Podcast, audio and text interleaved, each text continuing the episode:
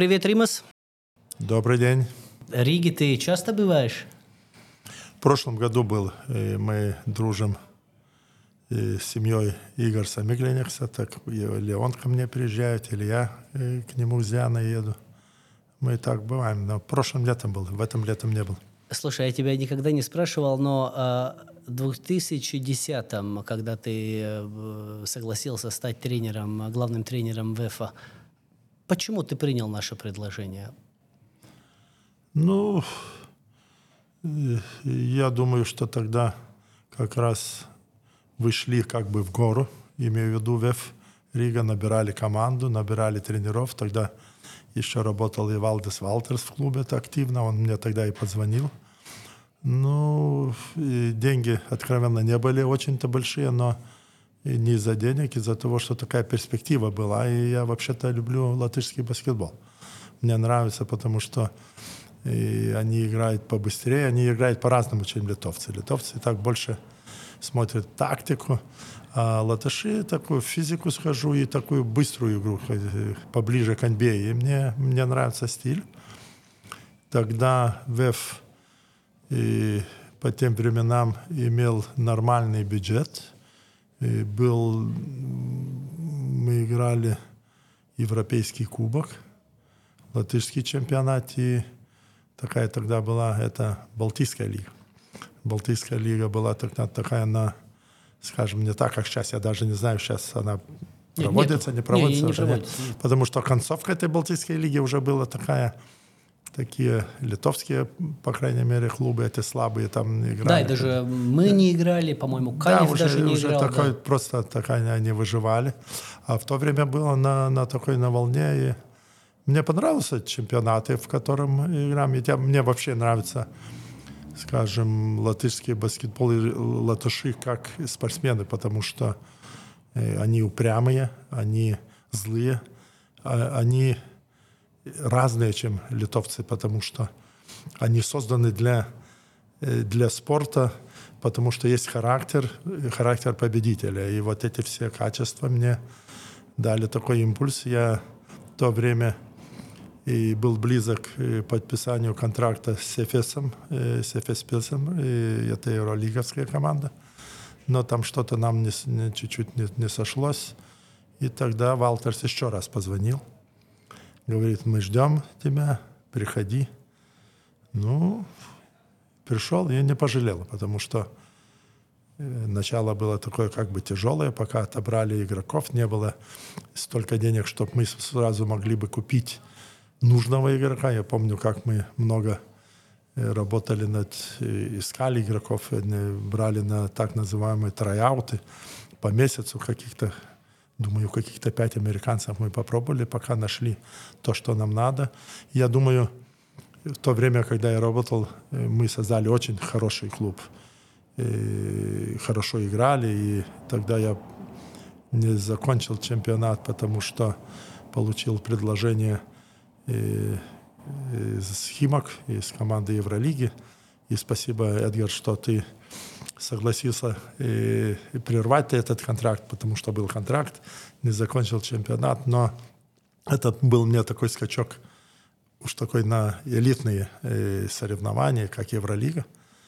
Но команду тогда я подготовил, думаю, что хорошо, потому что После меня пришел Рамунас Бутаутас, э, литовский специалист, и, и Вев тогда выиграл второе место этого же Бибела. Да, да, да. Да, да, да. Ритас выиграли. Да, у Ритаса выиграли. По- там... По-моему, Волончунас даже в той игре да. не вышел на поле, да, настолько такая жесткая. Да, и и я думаю, что если бы чуть-чуть больше напряглись, я так думаю, но всегда так тренера думают, могли и Жальгерис обыграть да, тогда. по-моему, какие-то там... Восемь очков, 8 я очков помню, проиграли. Да, я следил, из Москвы следил. И вы выиграли тогда чемпионат. И Первый Латвии, раз. да. И, ну, одним словом, и я не хочу э, говорить про то, что я создал команду. Мы создавали все тогда. И Валтерс, э, Валдес работал, и ты сам работал. И я, мы работали, отбирали, вот и тогда и, и Гайли Тесянко был тренером, и Николай Мазурс был тренером, и такое, и, и еще был и такой молодой не знаю, он такой начальник клуба или был или не клуба, а начальник команды. Эмилс. Эмилс, Эмилс, Эмилс, да, Эмилс, да. да, Он сейчас вот такая- сборная, между прочим, э, Да, он, мы- менеджер. я, я скажу, вот из всей моей карьеры мы тогда имели такой став, этот коллектив очень хороший для создания, вот даже проблемы не было в деньгах даже, вот по пониманию, по э, отбору игроков, и потому что я понял в жизни, что дорогой игрок не всегда хороший игрок. А мы вот по своих возможностях тогда создали очень хорошую команду. И Сандис Валтерс играл, и Яничонакс, и, и ряд других хороших игроков. Я помню, тогда мы этого белоруса купили, и Пороховского. Пороховского. Ну, создали хорошую, очень хорошую команду. Тейлор был такой, помню. Да, да, да. И, одним словом, работали жестко. Сначала было тяжело, э, все нервничали. э, Сначала такого как-то результата. Я помню, мы проиграли Лепаи даже э, в чемпионате как-то, потому что мы там готовились и не, не просто на какую-то игру, а мы готовились на весь сезон. Начало всегда бывает много работали физически, начало всегда было бывает тяжело, а потом все четко уже работали как, э, как часы. И Рамунас э, Бутовтас после меня как раз сказал, говорит, так здесь ничего не надо делать, вот они сами все знают, как часики. Я говорю, да, потому что мы выработку дали хорошую. Но, одним словом, я э, в своей карьере, вот тренерской карьере, как бы скажу, что мне было одним из самых приятных клубов, с которым можно было работать. Хорошо работали игроки, там тяжело, тяжело, но никто не плакал, все боролись. Ну, я рад, что имел такой опыт вот именно с ВЭФом в то время э, работать.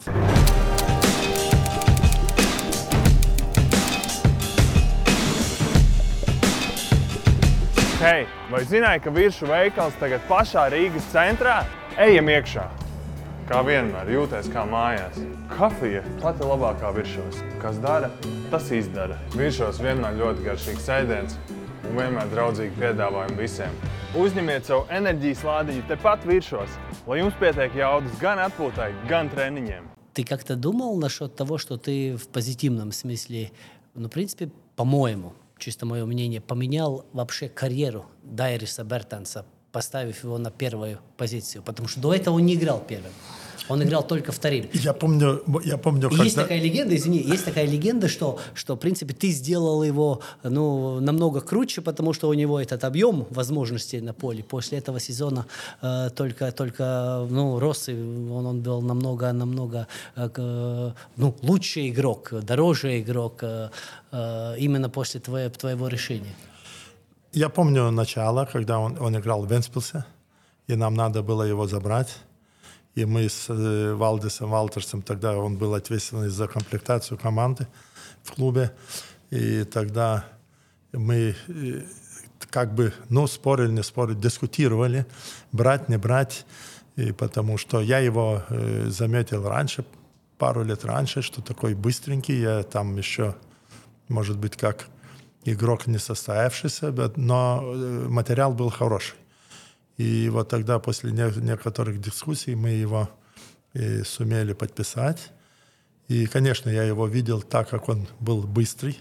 У него были чуть-чуть, скажем, проблемы с защитой, но не потому, что он не хотел, он просто, не знаю, тут тоже такой есть талант.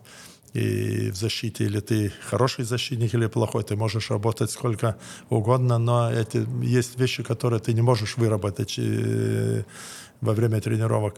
Так у него было чуть-чуть это движение, латеральное движение проблема, но он был быстрый, он занимал эти такие защитные позиции чисто из своего бега, из, из этой своей резкости. А в нападении он был отличный. Он мог и очка забить, он мог и пройти, он и неплохо играл пик-н-ролл, умненько. И самое главное, что, как я говорю, он подавался учебе. Он хотел, И иногда говорит, вот это тренер того сделал. Если игрок не хочет, ты ничего с ним не сделаешь. Он хотел, он хотел прогрессировать. И я рад, что его карьера так сложилась. Он даже у меня да, потом да, да. в Химах, в Химках, в Химках я его взял. Но в Химках у него чуть-чуть была проблема э, с травмами.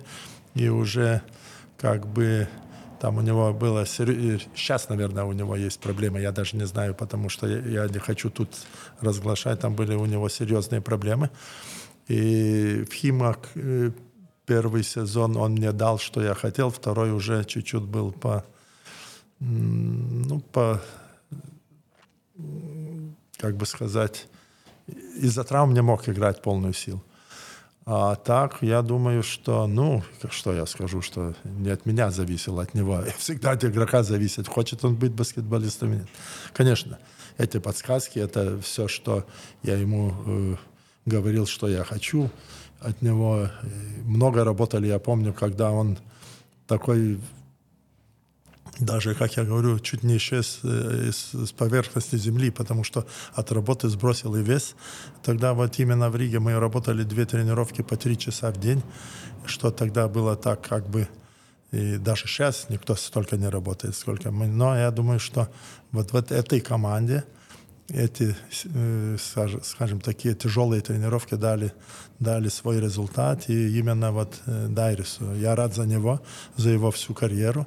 Сейчас я смотрю, он сборной еще был, но просто уже на чемпионате мира не играл из-за каких-то там, наверное, тоже были какие-то... Нет, травмы. он первую игру сыграл, да, он во там... второй получил травму, и... да, да, но потом... он там на, на скамейке отработал, Нет, так он, он, э, он человек с большим сердцем, ему не важно, э, такой человек даже полезный на скамейке, потому что он, я э, думаю, что он даже капитан за э, сборной был да, Латвии, да, да? Да, да, да. Потому что он чисто такой, который игрок, который заведет других, поможет со скамейки, подсказками. Сейчас опыт у него очень большой.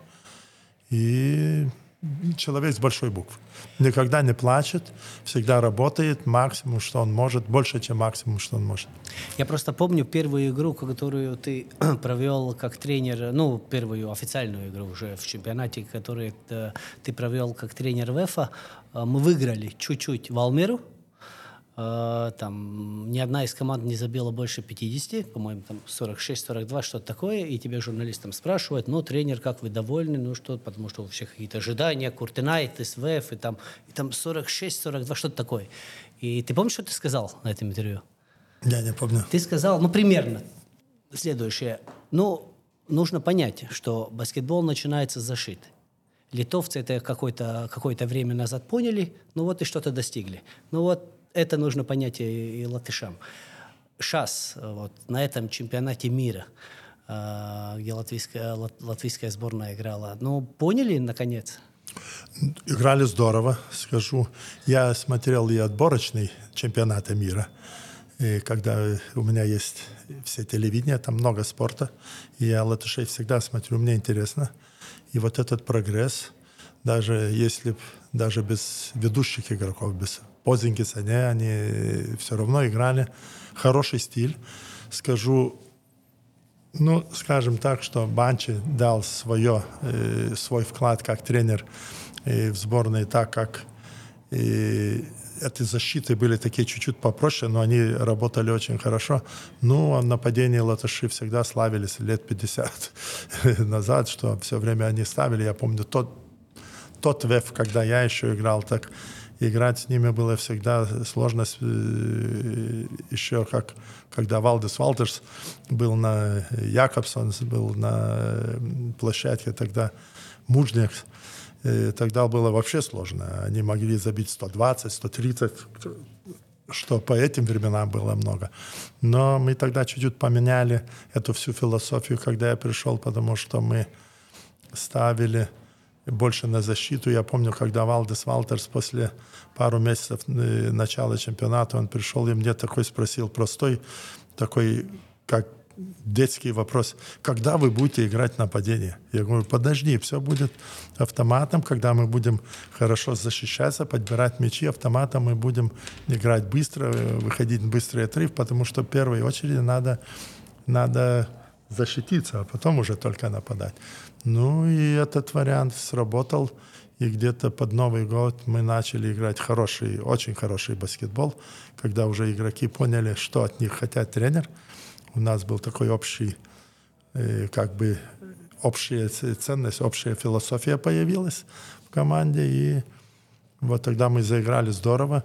Даже несмотря, я помню, мы играли, наверное, два овертайма с Калевым и проиграли там очко. Даже при этой проигрышной игре мы играли хорошо тогда просто и судьи, я помню, тогда мы закончили, по-моему, четвером играть. Или даже троем.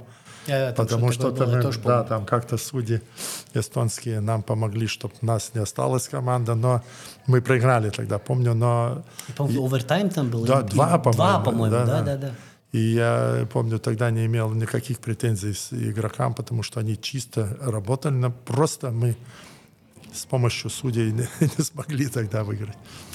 Слушай, про период в Химке. а, ну, ты работал много в России. Мы играли с россиянами. Я был а, в Лиге ВТБ. В то время же, ну, мне казалось, что, что эти люди баскетбола в России, ну, они там и демократичные, и смотрят там на, на, на, на, на Запад почти как и мы.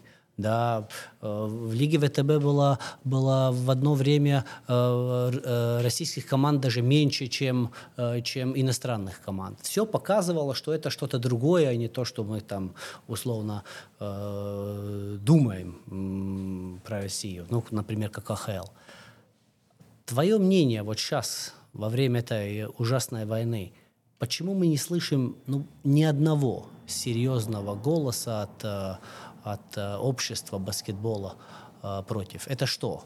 Боятся, трусы, э, жадность деньгам. Что по-твоему? Знаете, я скажу так. Где-то с 2014 года, наверное, этот курс поменялся, потому что тогда все шло как бы... Да, мы были единое целое, скажем, вот баскетбольная вся семья. Но мне тоже так казалось. Да, мы как-то, я участвовал при всех, всех собраниях ВТБ от, от Химок, и там все было очень демократично, толерантно, и смотрели друг друга, и чтобы помогли той команде, той, что поучаствовала пошире, этот диапазон был, и, значит, команд, что больше стран, как-то было очень все шло в гору. Потом где-то этот курс поменялся. И я, не, я одного не понимаю до сих пор, и что это значит, что Россия сейчас э, встает с колен. Они так называют эту всю. Когда они были на этих коленках, было все, все со всеми миром дружили, все жили вместе – и почему там россиянам казалось, что они на коленках, я, я, я вообще не понимаю этого, до сих пор не понимаю. А так я думаю, что и в России эти законы жесткие. Мы здесь можем сказать одно слово, два слова, они не могут сказать против, как есть. Да, вот это, я думаю, их сдерживает. У всех семьи, у всех дети, ну, у большинства, что я знаю, и, и все или не, не, не сказал бы, что все поддерживают э, позицию, что сейчас происходит и в России, но прималчивают, потому что, ну, они смотрят свой, как такой участок, скажу, свою семью, свою работу, свои эти дела. Я думаю, что это есть э, Э, немного людей есть таких независимых, которые могут сказать что-то угодно и уехать за границу, потому что э, на месте там были бы какие-то проблемы.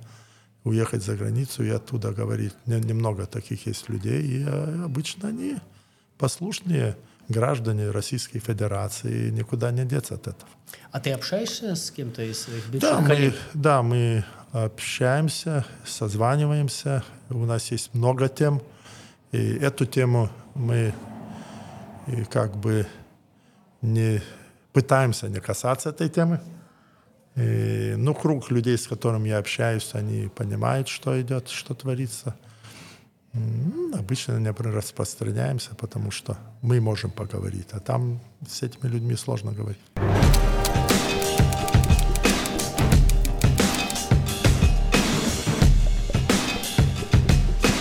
Spēlēt prot daudz. Laukumā visu izšķir detaļas un nianses. Katrā uzbrukumā, katrā aizsardzībā. Jo augstākā līmenī tu spēlē, jo likmes un prasības ir augstākas. Mēs strādājam dienu no dienas, gadu no gada, lai slīpētu katru sadarbību, saspēli un metienu. Tikai tāpēc mēs uzvaram. Rietumbanka kvalitāte nekad nav nejaušība. Скажи, в 80-й э, Жальгерис э, как команда, это был, ну, э, ну, есть такая легенда, особенно в Латвии, что это был такой, ну, большой рассказ и про Литву. Ну, я не, говорю, не хочу говорить там очень националистический, но в принципе, что это был большой рассказ и про Литву. Вот, вот Жальгерис против там ЦСКА, это Литва независимая почти, да, ну, было это или это уже легенда, которая э, родилась потом? Если откровенно я скажу, я в те времена тоже такой э, занимался политикой, как бы занимался, интересовался политикой, потому что в то время мой отец все время слушал радио, там она работала, не, между прочим, ВЭФ-12 было, да, потом ВЭФ-201, по-моему. 201, да, да, да. И там мы «Голос Америки» по вечерам, там «Свободная Европа», там что-то там шипит, там еле слышно, потому что э, Советский Союз пытался эти все волны там прикрыть, чтобы там не было. И я вот, э, ну, не с детства, сколько я помню себя, мне интересна была политика, и мы этой политикой занимались.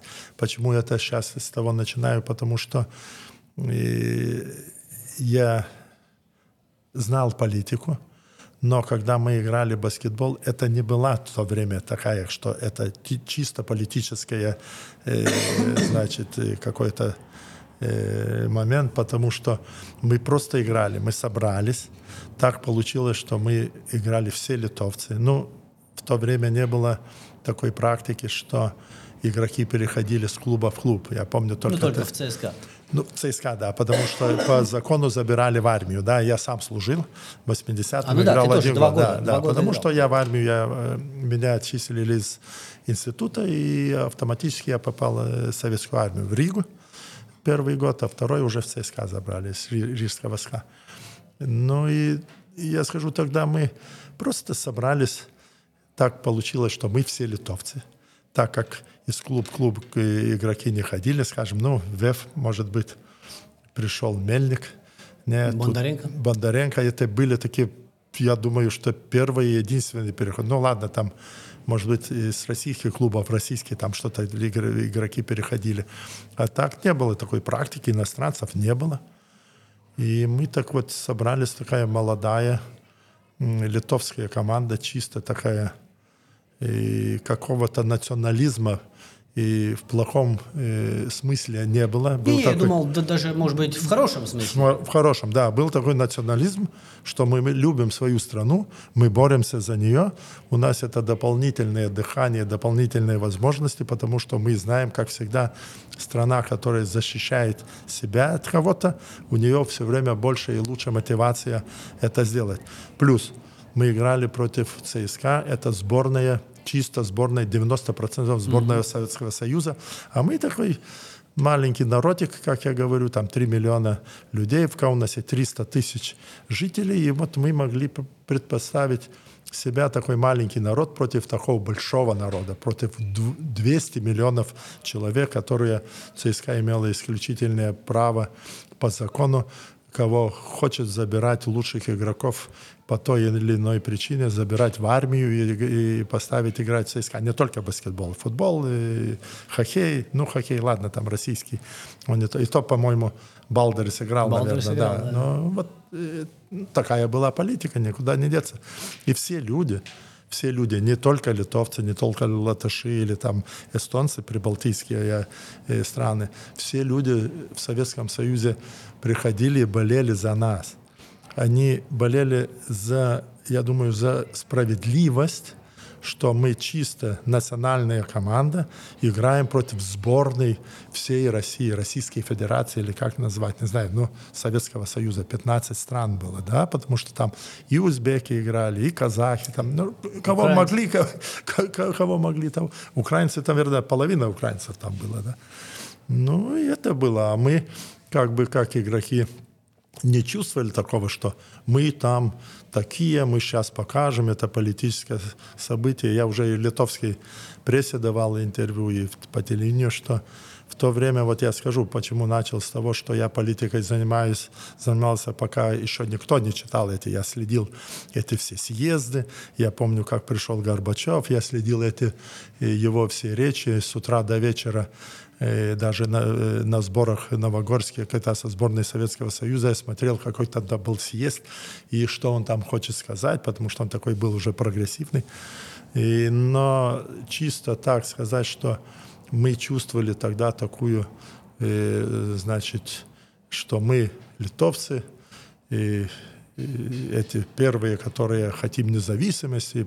Да, это все сейчас можно э, сказать, что это, может быть, было один вид из этой борьбы, как стать независимым через спорт, через культуру, может быть, что у нас было много и, и хороших и киноактеров, если помню, Банионис и, и ряд других. И, и вот через это, через культуру, через спорт, да, мы дали, давали о себе знать. Но что такое чистая была какая-то национальная борьба против советской армии, я бы не сказал. Конечно, в те времена, потому что сейчас, может быть, легче судить э, про эти все дела. А те времена, да, мы говорили, мы побили советскую армию. Мы так, но я помню, такой был, и я, значит, учился в институте, и мы должны были играть э, финал. И я пришел сдавать э, день перед финальной игрой. И было, помните, такое военное в институтах, университетах была и военная кафедра. кафедра. кафедра да. И я пришел, вот как раз там и сидят офицеры, которые должны принять мой там экзамен. И я зашел, и они так говорят, у, смотрите, кто к нам пожаловал. Они такие с формами, там капитаны, там лейтенанты ой-ой-ой. И я как раз зашел в этот кабинет, где они все там в перерыве сидели. Ну вот, мы смотрим, там бегаешь, бегаешь ты против ЦСКА. Вот завтра играйте, кто выиграет? Я говорю, ну кто выиграет ЦСКА, потому что советская армия всех сильней. И один из них говорит, да, вижу, готовился к экзамену, молодец. Так вот это э, то время так было. Мы бы как бы боролись с советской армией, с ЦСКА, со сборной со сборной э, Советского Союза. Простые литовцы, кавновские парни, но пару людей было с периферии. А так, думаю, что три сезона были очень хорошие, которые мы стали чемпионами Советского но, Союза. Но откуда эта сила? Почему это так получилось? Ну, не знаю, в первую очередь мы и собрались, как я говорю, и у нас был ряд и хороших игроков. Модестас Павлаускас, Сергей Севаша даже был до нашего прихода. Обычно такие маленькие страны, как Латвия, Литва, Эстония, и бывает один суперигрок, и вокруг не хватает таких игроков, которые были чуть-чуть повыше класса. Они хорошие игроки, но это настолько хорошие, что бороться за первые места. Нам так все совпало, что мы вот в одно время в нужном месте получилось много литовцев. Не один Модестас Павлаускас. И вот мы тогда смогли вырасти как команда, потому что у нас было достаточно мастерства. Знаете, сам знаешь, Эдвардс, и такие маленькие, как бы я говорю, страны маленькие, да, они маленькие, может быть, по числу населения, но они большие со своим сердцем и любовью в своей стране, знаешь, и это есть основная мотивация, когда ты выходишь на соревнования, у тебя сердце как у большого человека, а амбиции большие, ну, возможности иногда никакие. Тогда я думаю, мы вовремя было 10 игроков, которые были готовы бороться за первые места. Ну, если я тебя так спрошу, ну у тебя ты выиграл Еврокап, а, значит, и с Ритас, и с Химками. Но вот сейчас, если ты смотришь, если, ну, есть один э, с одной командой дороже этот, эта победа? Ты можешь так сказать? Ну, я с Химками два раза выиграл. Ну, я это знаю. Да, с Химками ты выиграл два Но раза, я- и с я скажу один так, раз. да, я- Есть разница? Вот чисто эмоциональная. Э, Я, я думаю так, что с Ритасом мы не были фавориты. Мы А, были окей. средняя команда Еврокубка. И мы сумели выиграть. И вот этот мне дороже из-за того, что мы с маленькой командой сделали очень большое дело. Я говорю не только про э, мастерство, но про э, зарплаты и все. С Химками было по-другому. С Химками бюджет был очень большой. Ты можешь купить того, того нужного игрока, и ты там, там зависело больше от комплектации, и каких игроков ты будешь иметь. Не было легко. Мы тот сезон и второй, я думаю, что где-то игр 7-8 выиграли по очку, но выиграли.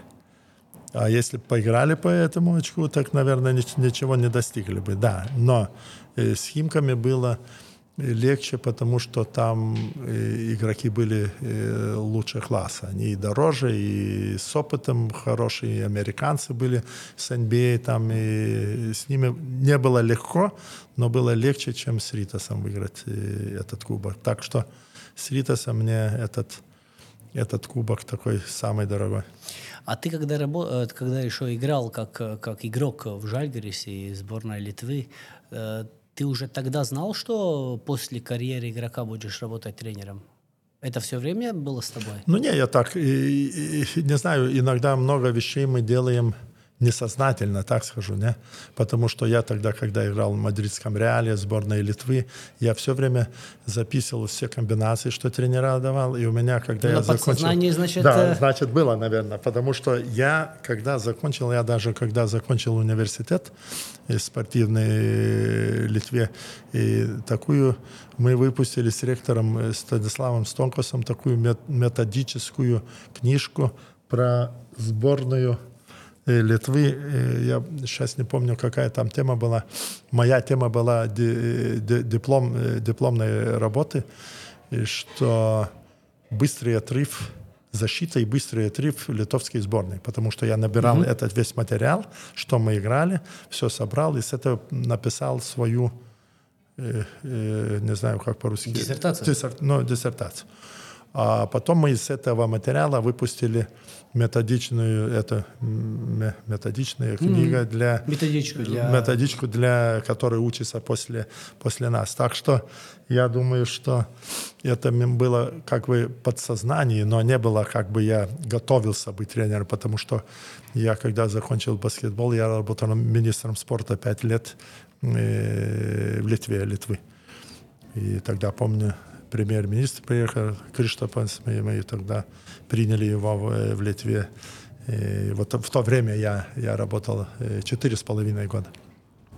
А потом только уже, когда закончил эту, как бы я считал, что я должен Литве что-то вернуть, потому что Литва сделала из меня баскетболиста. Я, э, играя за границей, заработал денег, э, имя, и я э, должен вернуть что-то Литве. И я тогда выбрал не то, что работать тренером опять под себя, а я выбрал, что буду работать и министром спорта, потому что мне предложил тогда тогдашний мини, премьер-министр Гедиминас Вагнерус. Он набирал такую молодую э, свою правительство молодое. И вот я попал одним э, из таких молодых, только что начинавших, что я говорю, я не, не очень-то и разбираюсь, про что речь. Он говорит, а никто ученым Никто не, не родился. Да, они говорит, мы придем и по-новому все начнем, и видим этот хороший опыт, скажем, эс- эстонцев с 90-го года, когда они все молодые, новые пришли, и по новому пути все, и вот то хотел сделать Гедимас Вагнерус, и я попал под эту его команду. Я рад, я рад, что отработал. Я не, не- я не заработал денег, потому что если ты не крадешь и не делаешь никаких дел, ты денег министром не заработаешь. И, ну, я имею в виду по сравнению то, что я зарабатывал как баскетболист. Я эти все деньги, которые заработал на баскетболе, я почти все за эти четыре года, четыре с половиной года потратил работая министром, потому что зарплата, что там дает, мне только один ужин выходит с друзьями, а месячная зарплата, а так как я привык жить. Так что я после работы в правительстве э, уехал работать в Киев, а потом в Баку в Баку, да. А скажи, э, а как ты вообще попал в баскетбол. Вот я с Рамоносом общался, но у него все ясно. Он говорит, ну, Эдгарс, ну, у да, меня ну, же него, семья да, вообще без да. вариантов. Сестра, э, мама, ну, отец вообще. Он говорит, ну, какие варианты? Вообще нет вариантов. А, как ты попал? Ну, я очень хотел... Мы как бы, как и все, наверное, сейчас, потому что это и попроще, все э, дети играют в футбол, правильно? Потому что у меня есть пять внуков, но два внука, которые играют в баскетбол, но они, э, им поближе футбол. Если есть свободное время, они играют в футбол. Но когда я говорю, давайте идете на тренировки баскетбола, они идут на эти тренировки.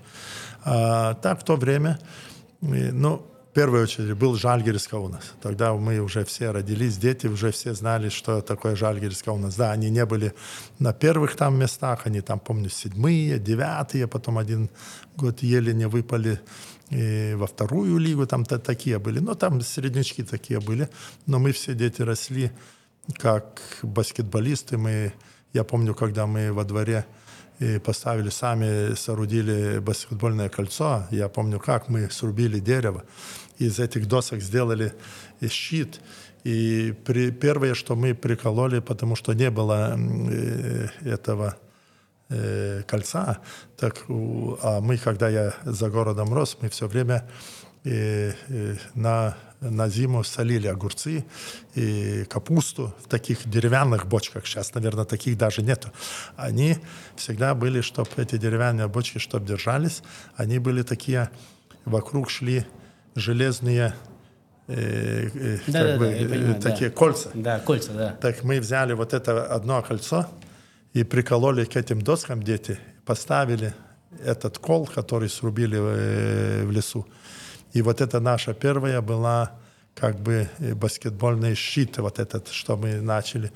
Ну и как в Каунасе все, ну в Литве баскетбол, баскетбол. Но в принципе я хотел играть в футбол, потому что там в моей школе был стадион, и там тренировались в футбол. Ну, играли в футбол, не знаю, как там профессионально тренировались, но дети Ну, в играли. Каунасе тоже была команда, потому что я помню, что э, в Вильнюсе был Нет, Жальгирис. Вильнюсский В Жальгирис, Вильнюсе был да, но, Жальгирис. но школы Они же были... тоже, на, по-моему, высшей лиге играли. Да, играли хорошо, время, да. играли. Хорошо. Одно время, по-моему, третье место. Третье даже, место да. занимают, да, да, да. А, так они все время там, но тоже было, э, выбывали в первую ли- лигу, потом возвращались в эту высшую лигу.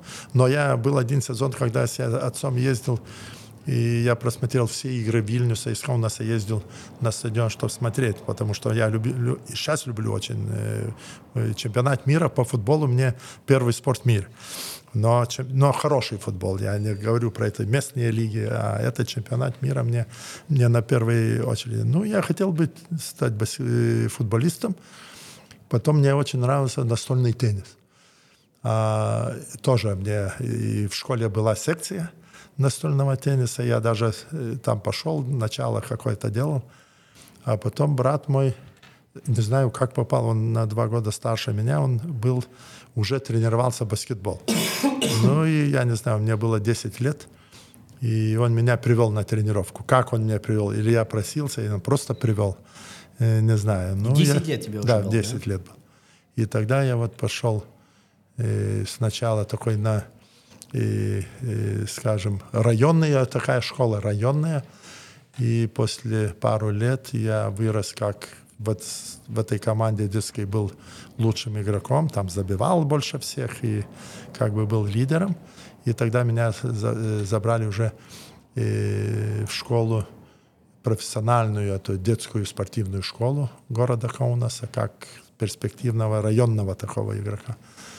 А так я не, не могу сказать, что я хотел, что мой брат захотел, или мы родителям вообще не работали с утра до вечера на фабрике, там не было, когда заниматься им только было и хорошо, что мы заняты и не, не шляемся по улицам. А, я рос в таком э, загородном районе, где там половина были такие, закончили в тюрьме, половина э, нету э, среди живых. И вот такие некоторые, вот мы выросли и стали, кем мы стали, потому что такой район был непростой.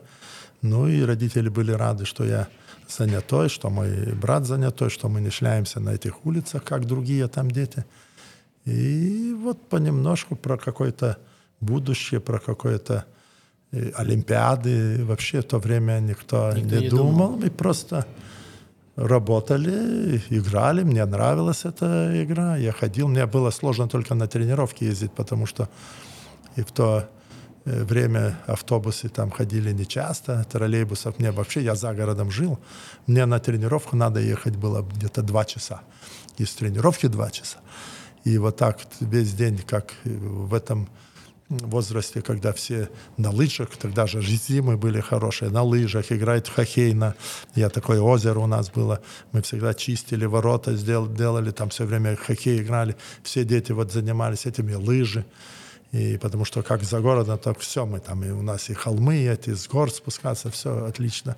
А я должен в то время был ходить Ехать на эти на- на тренировки. автобусе два да, да. Отец мой был, был такой непрофессиональный, но спортсмен там за завод выступал в футболе, там какие-то кроссы, он такой был спортивный активист, и как-то меня все время подталкивал, что мне надо, надо заниматься, ну и вот он был прав. Ну, а слушай, если из всех твоих трофей, медалей и так далее, ты мог бы э, выиграть только одну, которая бы это была? Им- э, имеешь в виду, какая самая дорогая или что? Самая дорогая, особенная. Ну, есть тут два момента, Как игрока которые... и как тренера. Да, но вместе. есть, я скажу два момента, как так однозначно нету, как и радуга, нету, что она черная или белая. Не? Есть се- семь этих э, окрасок, может быть, сейчас кто-то говорил девять уже, не знаю даже. Но тут тоже нету так все однозначно. И олимпийское золото. Это Это восьм- Э, 88 Восемь- да, но это в составе э, сборной Советского Союза. Но это самое высшее достижение, что ты можешь в спорте достичь, да? Это мне очень дорого. Потом у нас уже появилась возможность э, представлять э, литовскую сборную на Олимпийских играх. 92 год, Барселона. Мы там выиграли бронзу.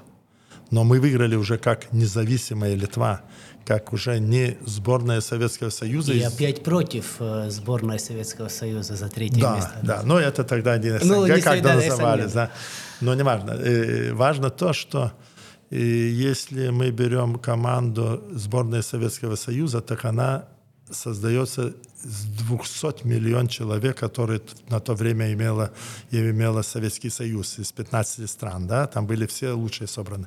Тогда мы, когда ставим литовскую сборную, мы с трех миллионов, три с половиной миллиона мы собрали сборную и стали третьими в мире и на Олимпиаде. Это, я скажу, мне очень дорогая дорогое золото, э, э, значит, со Советским Союзом, со сборной Советского Союза.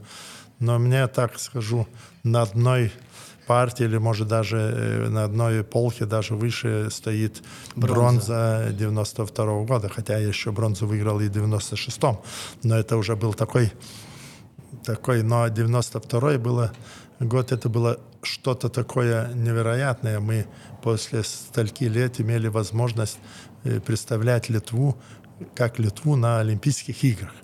И мы такие были, как бы я говорю, пионеры, которые мы не знали ни своей способностей. Ладно, мы там играли четвером сборной Советского Союза, там Хомичус, я, э, Сабас. Сабас э, и, и Марчелионис.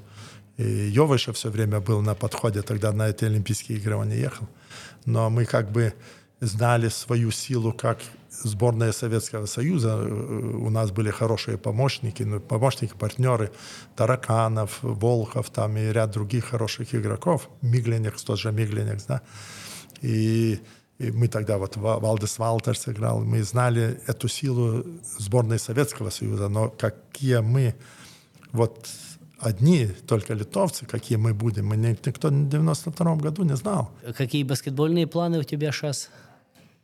Ну, в данный момент клуба имел несколько предложений, но то, что я хочу, не, не получил. Имею в виду даже не деньги, но клуб, с которым можно было в перспективе что-то сделать. Я не хочу просто идти, и если в клуба нет перспективы и возможностей, просто Ладно, там через какие-то два места, может, на выше поднимешься, но сам знаешь, если ты не купишь нужных игроков, даже не, не обязательно дорогих, но таких средненьких игроков, ты не сможешь, как бы, какой бы знаток не был, ты не сможешь достичь какого-то результата, который я, и, ну, я привык. И для меня есть первое место, а все остальные последние. Так что я хочу быть Э, наверху, не хочу просто так жить, участвовать, существовать, как существовать. А в данный момент не попался, что я хочу, а если попадется, я пойду работать. Спасибо, Римас. Спасибо, Пожалуйста. что приехал. Не ну как... Спасибо, что пригласил. Знаешь, э, ты и Рамонас — это действительно люди, которые на нас настолько много сделали мне лично, чтобы я полюбил баскетбол настолько, сколько я люблю эту игру, что, что мне еще нужно подумать, э, кто еще такое влияние на меня имел. Спасибо тебе.